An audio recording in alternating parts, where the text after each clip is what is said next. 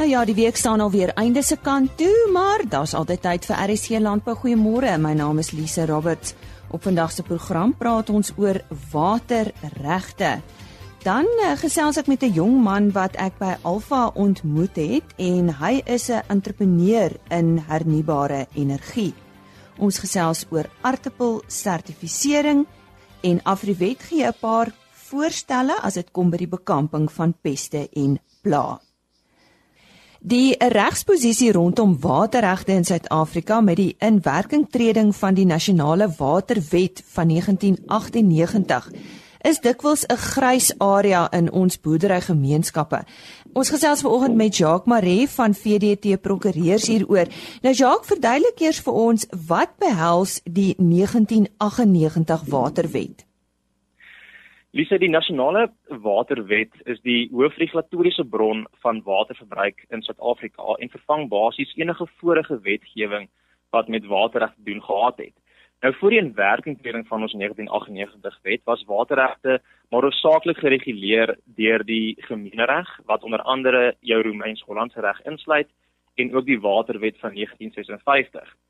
Nou die oorhoofse doel van die waterwet is om te verseker dat die land se waterbronne behoorlik beskerm, gebruik, ontwikkel, onderhou, bestuur en beheer word tot die voordeel van ons land se inwoners terwyl dit daarmee saam gelyktydig poog om 'n fundamentele raamwerk daar te stel met die doel om ons omgewing te beskerm, die opkoms van watervloede en droogtes in ons land te beheer en ook om enige gevestigde internasionale verpligtinge waarmee Suid-Afrika belas word met spesifieke verwysing na die beskerming van ons natuurlike hulpbronne na te kom. Wanneer is die gebruik van water regmatig? In breë terme en onderhewig aan sekere uitsonderings wat in die wet uiteengesit word waarby ek nou sal uitkom, is watergebruik regmatig en toelaatbaar indien die gebruik daarvan gemagtig is bewyse van 'n lisensie wat uitgereik word deur die departement van waterwese. Nou vir doeleindes hiervan dink ek is belangrik om te bepaal wat die term watergebruik alles behels. Nou watergebruik word breedweg in die wet omskryf en behels onder andere die gebruik soos die neem en die stoor van water aktiwiteite wat die vloei van 'n stroom beïnvloed, jou beheerde aktiwiteite wat uit die aard van die saak aktiwiteite is wat 'n waterbron nadelig beïnvloed, die verandering of die verskywing van waterroete, die verwydering van ondergrondse water vir sekere doeleindes en ook vir rekreasiedoeleindes. Nou, die uitsonderings wat ek so vinnig genoem het en na verwys het en waaroor daar in die algemene terme nie 'n lisensie vir nodig is nie, sluit in jou skedule 1 watergebruike wat tipies huishoudelike watergebruike is, die gebruik van water vir huishoudelike tuinbou, water vir diere en vir noodtoestande. Tweedens sluit dit ook in die die voortsetting van 'n bestaande regmatige toelaatbare watergebruik. 'n Derde uitsondering is indien dit toelaatbaar is of was onder 'n algemene magtiging wat van tyd tot tyd deur die owerheid in die staatskoerant gepubliseer word en laastens indien die, die verantwoordelike owerheid soos die departement van waterwese binne hulle magte die boer vrystel van die vereiste om 'n lisensie te bekom. Nou jy het genoem dat boere nie 'n lisensie nodig het waar 'n boer sy regmatige watergebruik voortsit nie. Nou verduidelik vir ons bietjie wat dit behels. Lisa die die voorsetting van 'n bestaande watergebruik wat gemagtig is in terme van enige ander wetgewing wat deur die 1998 wet uit die aard van saak geroep is word toegelaat onder bepaalde omstandighede. Nou 'n reeds bestaande watergebruik, tesame met enige voorwaardes waaraan die gebruik onderhewig is, word in terme van die 1998 wet erken, maar mag slegs beoefen word tot 'n mate wat die gebruik nie beperk, verbied, getermineer of verwyder is deur die 1998 wet nie. Nou die term bestaande regmatige of toelaatbare watergebruik behels 'n gebruik van water wat gedurende die 2 jaar periode onmiddellik voor die inwerkingtreding van die 1998 wet reeds bestaan het en ook in die boer gevestig het en wat deur die wetgewing wat tydens daardie periode gegeld het, synde die periode onmiddellik voor die inwerkingtreding van die 1998 wet bekragtig was. Nou alhoewel 'n boer nie 'n lisensie nodig het in so 'n geval nie, is die verantwoordelike owerheid gemagtig om die registrasie van 'n bestaande gemagtigde watergebruik te vereis. Nou die owerheid het ook die mag om die persone wat op die gemagtigde watergebruik steun en voorhou dat sodanige gebruike of regte bestaan te vereis dat die gebruik geverifieer moet word. Nou gedurende hierdie proses is die owerheid bemagtig om die mate en die regmatigheid van die gebruik vas te stel en kan so 'n bevinding die bestaande gemagtigde watergebruik beperk ten einde dit met die doel van ons 1998 wet te versoen. Nou ons weet die nasionale waterwet maak voorsiening vir registrasie van sekere watergebruike. Nou is 'n boer verplig om vir watergebruik te registreer. Dis die algemene reël is dat dat enige persoon wat wat met boerderyaktiwiteite of landbouaktiwiteite te doen het, wel vir watergebruike moet registreer. Nou behalwe vir die uitsonderings wat ek voorheen genoem het, moet alle bestaande watergebruike geregistreer word deur die voltooiing van die relevante registrasiedokumentasie by die departement van waterwese. Nou die registrasieproses is basies die wyse waardeur die departement in kennis gestel word van elke boer se watergebruik. Sodra jy geregistreer is, sal 'n registrasiesertifikaat uitgereik word, maar dit is belangrik om te onthou dat hierdie registrasiesertifikaat wat uitgereik word nie 'n bewys is van jou waterregte of magtiging nie, maar is dit bloot maar net 'n bevestiging dat jy as boer die departement van jou watergebruik in kennis gestel het. Slegs sodra die lisensie uitgereik word, sal jy daardie waterreg bekom. Wat gebeur nou as 'n boer sy plaas aan 'n ander boer verkoop? Kan hierdie waterregte dan in in so 'n geval oorgedra word? Ja, die wet maak voorsiening vir die oordrag van waterregte. Nou waterregte as 'n essensiële kommoditeit in ons landbousektor en 'n kommoditeit met beperkte beskikbaarheid het veral 'n kritiese aspek vir baie boere in ons land geraak omdat die boer se omdat die, die boer se vermoë basies beïnvloed om sy plaas verder uit te brei en te ontwikkel. Nou daar is 'n persepsie onder boere deesdae dat dit in praktyk slegs moontlik geword het om waterregte oor te dra aan persone wat oor die minimum vereistes van swart ekonomiese bemagtiging voldoen. Maar alhoewel hierdie aspek is wat wel een van die faktore is wat deur die owerheid in ag geneem word wanneer die goedkeuring van waterdra van waterregte uh geverifieer en bevestig moet word, is egter nie 'n deurslaggewende faktor nie. Nou dit kom egter nie net voor waar 'n boer sy plaas aan 'n ander boer verkoop nie, maar ook gebeur dit dikwels dat watertoekenning verkoop word vir gebruik op 'n ander eiendom. Nou die oordrag van water word veral moontlik gemaak in ons nuwe waterdispensasie omdat die waterregte nie meer aan die eiendom self kleef nie, maar aan die lisensiehouer. Nou in praktyk is dit egter nie so eenvoudig soos wat dit mag klink soos 'n normale oordrag nie, maar is daar verskeie faktore wat egter in ag geneem word deur die departement voordat die oordrag van waterregte goedgekeur sal word, selfs al gaan gepaard met 'n eenvoudige oordragstransaksie van eienaarskap van die plaas na die nuwe eienaar toe. Nou in praktyk en in my opinie is daar drie aspekte wat geneig is om die oordrag van waterregte te vertraag en sluit dit onder andere in die sosio-ekonomiese impak op die werkers en die huurders van die oorhandigingseiendom 'n hangende grondeis op die oorhandigingseiendom omdat die effek op die waarde van die eiendom en sodoende die kompensasie betaalbaar vir die waterregte sal beïnvloed as ook die behoefte om die gevolge van rasse en geslagsdiskriminasie in die verlede reg te stel.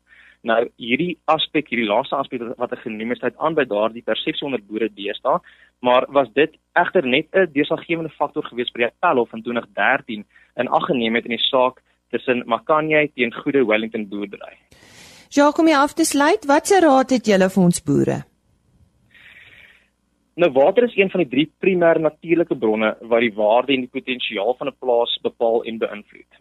Nou dit dra nie by tot die waarde van die plaas self nie, maar is dit is die beskikbaarheid daarvan 'n faktor wat bydra tot die waarde van die stuk grond waarop die plaas bedryf word. Nou bygesê en met verwysing na die Kaapse gebeure, is Suid-Afrika 'n baie waterskaarste land. Dit bring mee dat die regulatoriese gebruik en die beskikbaarheid daarvan al hoe meer krities begin raak het vir ons boerderygemeenskappe. Nou waardeerders van plaasgrond word ook dikwels getaak en staan onder die verpligting om die regmatigheid van die waterreg te evalueer wanneer die plaasgrond en die besigheid gewaardeer word. Nou my advies sal wees aan boere is om daar om, om seker te maak dat ons boere hulle self verwittig met die 1998 wet, die regulasies en die prosesse wat daarmee gepaard gaan om seker te maak dat hulle hulle waterregte in plek het en om ook die nodige registrasiedokumente behoorlik te notuleer en byderhand te hê vir die dag wanneer hulle besluit om hulle plaas te wil verkoop. Nou voldoening kan net voordelig wees omdat net sal bydra tot die plaas se potensiaal en die beskerming van ons land se natuurlike hulpbronne nie, maar kan ook 'n groot verskil maak op die waarde van jou plaas wanneer die boer se plaas verkoop word. Nou ja, die man wat vir ons so 'n bietjie meer raad gegee het uh, oor die nasionale waterwet en veral raad vir ons landbouers, Jacques Maree van VDT Prokureurs.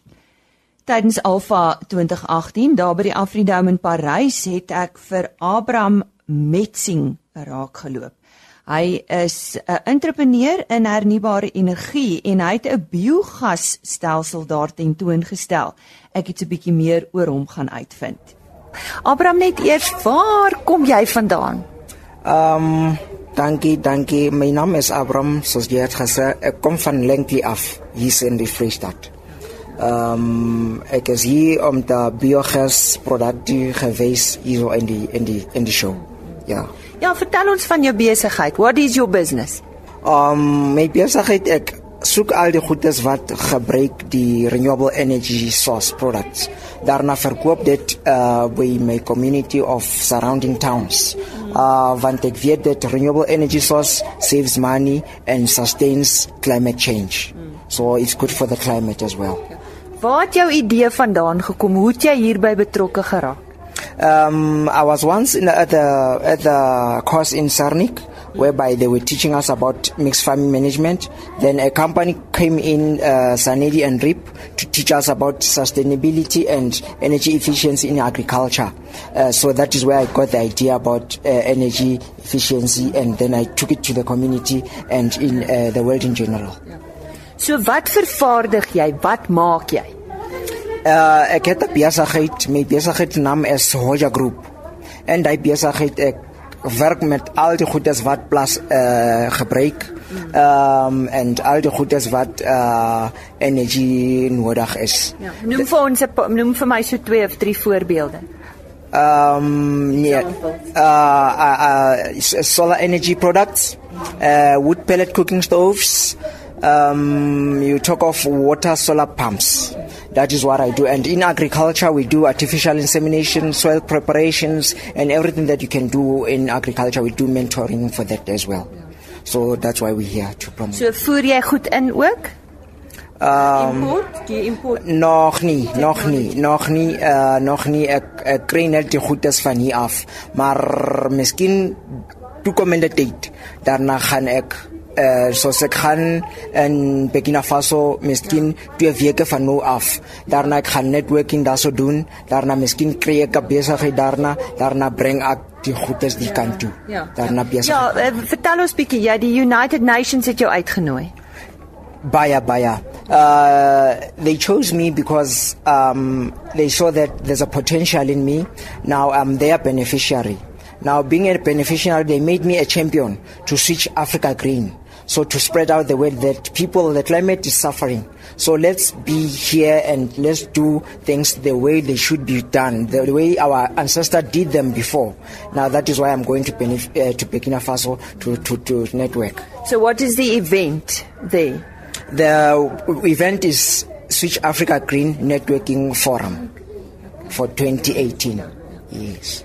So Abraham in jou hart, wat wil jy wees? What do you want to become? True. Um ek wil 'n entrepreneur wees. 'n Regtig entrepreneur wees. Maar my probleem is ek begin en as jy begin as jy het nie support van mense wat ken hoe gebruik die goed is en die probleem is jy kan as jy het nie geld jy kan niks doen. Nou ek nodig support van geld, miskien as ek kan geld kry van private companies or maybe uh, government or anything that it can help out then I'm there for. Nou ja, dis 'n jong man met 'n groot visie en dit was dan Abraham Metsing van die Soja groep. Ons sluit nou aan by Henny Maas. Ons uh, gesels nou met uh, Sanetti Hart, sy is die bestuurende direkteur van die Aartappel Sertifiseringsdiens. En uh ons wil 'n bietjie met haar gesels oor uh, die faktore wat maak dat 'n aartappel sy ja, noem dit nou maar sy regte potensiaal bereik. Uh, ons moet miskien met die vraag uh, begin uh, Sanet, wat is 'n moer presies? Hoe verskil dit nou van van 'n gewone aartappel?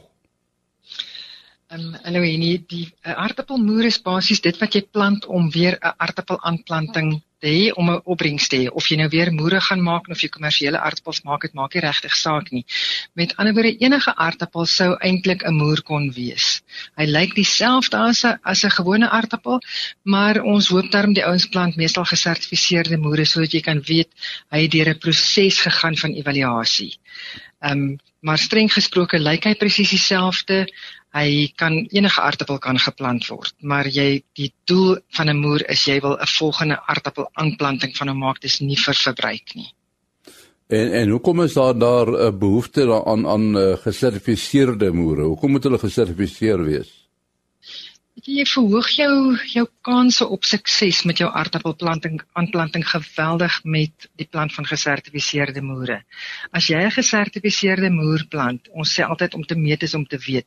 So as jy 'n gesertifiseerde moer plant, dan weet jy hy's deur 'n hele proses van evaluasie van die bron wat geplant is om te kyk voldoen hy aan die vereistes um, om weer as 'n moer gebruik te word tot eerste landinspeksie, tweede landinspeksie. Ons kyk na sy fitosanitêre aspekte, na sy variëteitsegtheid.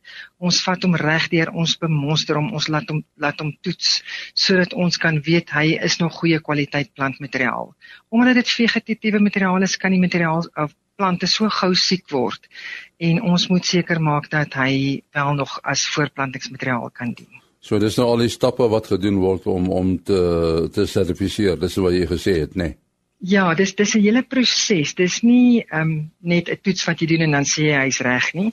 Jy evalueer basies van begin tot einde ehm um, vandat jy jou bron evalueer voor jy hom plant tot aan die einde waar jy sê jy het sy toetse gedoen, bakteriese toetse, virustoetse, jy het die knolle geïnspekteer, jy het die plante self geïnspekteer.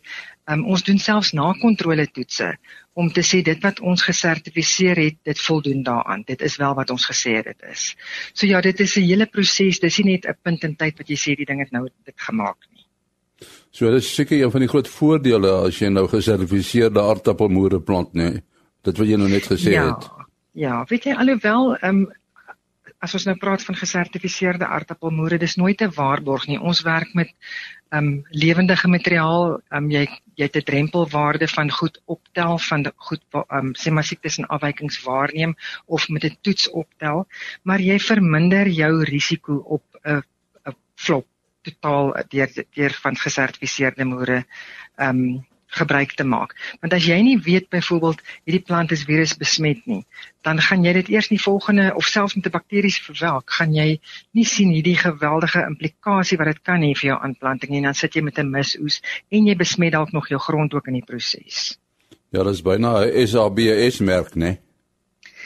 Ja, alhoewel dit nou um, op voorplantingsmateriaal is wat dis nie soos 'n 'n kar wat jy hmm. kan sê hy kan tot 120 km/h ry nie. Ons sê hy's deur 'n proses. Ons het hom geëvalueer op verskillende tye deur die proses en op die dag van sertifisering het hy voldoen aan die vereistes. E maar na dit kan dan ons nou verskeie goed gebeur, het sy met die vervoer of met die plant of droogte of wat ook al die omstandighede na sertifisering hmm. kan wees. En die en die moerbedryf hier in Suid-Afrika, hoe groot is dit? In totaal plant ons so ongeveer 54000 hektaar aardappels waarvan die moerkomponent so tussen 9 en 10000 hektaar is. So omtrent 20% van die totale aardappel um, aanplantings in Suid-Afrika word geregistreer vir moeraanplantings. En van daai moeraanplantings sertifiseer ons so tussen 5.5 en 7 miljoen 25 kg sakke moere vir plaaslike gebruik en dit word ook uitgevoer. En dit het natuurlik seker 'n uh, eh, impak op die verhoogde opbrengs in aardappelproduksie, né? Nee? Ja, weet jy, ehm um, gesertifiseerde moere, ek sê altyd jou sukses begin by die plant van gesertifiseerde moere. So as jy ongesertifiseerde plant kan jy maar weet jy gaan dalk nie daai opbrengste kry nie. In Suid-Afrika sit ons met 'n posisie waar ons 20 jaar gelede so ongeveer 30 tonne hektaar opbrengs gehad het. Um en vandag staan die aardappelopbrengs gemiddelde opbrengs in Suid-Afrika teen 47 um 0.3 ton per hektaar teenoor die gemiddeld van Afrika wat op 15 tonne hektaar staan. So um dis definitief dit speel definitief 'n rol. Ja, ons sê baie dankie aan Sanet Tiehart, sy is die bestuurende direkteur van die aardappel sertifiseringsdiens. Dankie Jenny. Dis nou eers tyd om te gesels oor vleispryse deurgegee deur Chris Derksen. En dit is pryse wat behaal is by veilinge in die Noord-Vrystaat en eh, die datum van hierdie veilinge was Dinsdag 2 Oktober. Chris? Van die eerste belangrike ding is ons dink nog steeds aan Mof Meiber van Kroonstad wat nog steeds baie ernstig siek is na sy brandbeserings amper 3 weke gelede. En dan gee ek vir julle die presiese pryse. Pryse is in die algemeen effens af en onder druk speenkalvers onder 200 kg het gegaan vir R36.77 speenkalvers tussen 250 tussen 200 en 250 kg gaan vir R34.18 en oor 250 kg R32.28 per kilogram. A klasse R25.20 B klasse R21.51 C klasse vetkoeie R20.02 wat relatief laag is vir die tyd van die jaar wanneer hulle baie skaars is. Dan het markkoeie gewissel van R17.02 tot R17.98 per kilogram. Slagbulle R22.51. Vanaf die skaapmark het lammers gegaan vir R43.98 en vetlam vir R34.46. Stoorooe R28.54 en vetskape R25.66. Baie interessant dat boklammers nou duurder is as skaaplammers wat ongewoon is. Boklammers het gaan vir R46.22 en bokoeie R27.78 wat ook baie hoog is. Indien ons van enige verdere hulp kan wees, skakel maar enige tyd na 08280 75961. Baie dankie. Die stem daarvan Chris Derksen en 'n webtuiste vir daardie pryse is www.vleisprys.co.za. Ek het gisteroggend met Dr. Hanrey Bredenkamp gepraat van Afriwet oor eh, die seisoenverandering wat so skielik plaasgevind het en die effek wat dit op ons vee gehad het. Vanoggend gesels ons verder onder andere oor bosluise en wurms. Hoe kan boere bosluise in die vroeë somer bekamp, Hanrey? Ehm um, dis belangrik om dit juis nou te doen. Ons sien nog nie so baie bosluise nie, maar soos ek nou in vroeër gesê het, daar is sodra daar hitte en immuniteit is, dan weet ons dat die larwes gaan begin uitbroei en hulle gaan dan die diere besmet. En dis juis hierdie larwes wat nou doodgemaak moet word. As jy hulle nou kan doodmaak, keer jy dat hulle volwasse word en dat hulle dan eiers lê. En dit het weer 'n effek later in die seisoen. So jy verlaag eintlik die populasie um, vir die seisoen wat voorlê. Wel wat mens kan gebruik is byvoorbeeld 'n inspuitbare ivermectin, ehm um, wat wat die op die blou bosluis effektief gaan wees en dan 'n vloemetrien bevattende dit byvoorbeeld redline wat wyfie bosluise sal steriliseer. So as as die as die eiertjies sou uitbroei, ehm um, die eiertjies gaan nie dan uitbroei nie met ander woorde. Maar jy kan eintlik enige dip gebruik. Spuit jou diere papsop nat met 'n wateroplosbare dip, ehm um, byvoorbeeld Iraditic ehm um, 250 of Iraditic 125 en um, of gebruik 'n poron. Ehm um, maar ek ek hou nogal daarvan om die diere goed nat te spuit want die larfies en die ehm um, nimfies sien mense nie noodwendig met die blote oog nie en dis juist hoekom boere later behandel eers wanneer hulle die volwasse wyfie bosluise sien. So moenie wag tot jy die volgesypte uh, wyfie bosluise sien nie. Behandel nou al al sien jy nie want hulle kruip 'n bietjie dieper in en hulle is nie so maklik sigbaar nie. Nou kan 'n mens so vroeg in die seisoen al bosluis weerstand sien. Ja, dis eintlik 'n ideale tyd om dit te toets. As jy sien dat die bietjie bosluise wat nou voorkom, want kyk jy gaan nog steeds ehm um, volgesyte wyfie bosluise sien en as jy sien dat die dipstof wat jy gebruik ehm um, nie effektief is nie of hulle nie doodmaak nie, dan is dit eintlik 'n goeie tyd om dit te sien want jou risiko is eintlik laer omdat jy jy het minder parasiete tans op die dier. So vir bosluis siektes byvoorbeeld is is jou kans laer dat jy dit sal kry. So dis nou ideale tyd om te toets toets, kyk wat werk en wat werk nie. As jy sien jy het dipstowwe wat nie meer werk nie, skuif na 'n ander klas van van produk toe. Of die beste natuurlik is om bosluise te neem, volgens wat die wyfie bosluise ehm um, bymekaar te kry en weg te stuur na 'n laboratorium toe om te toets vir vir, vir weerstand spesifiek. En dit kan ons deur ons Afriwet laboratorium doen. So kontak gerus jou Afriwet agent en ons help graag daarmee. Want as jy weet wat die weerstand is, weet jy wat om te gebruik en van daar af kan jy dit bestuur. Daar kan jy natuurlik um insekgroeireguleerders gebruik weer eens in spuitbare ivermectine soos ivermectin byvoorbeeld of jy skuif dit eenvoudig net na 'n ander klas um dipstof toe. En wat ons by Afrident ook het, is 'n produk met die naam Iraditic Ultra wat um hoogs effektief is teen weerstandige bosluise. So dis iets waar ons gerus met julle kan gesels as daar sulke probleme voorkom. Kom ons gesels nou oor wurms. Hoe lyk die besmettingsvlakke?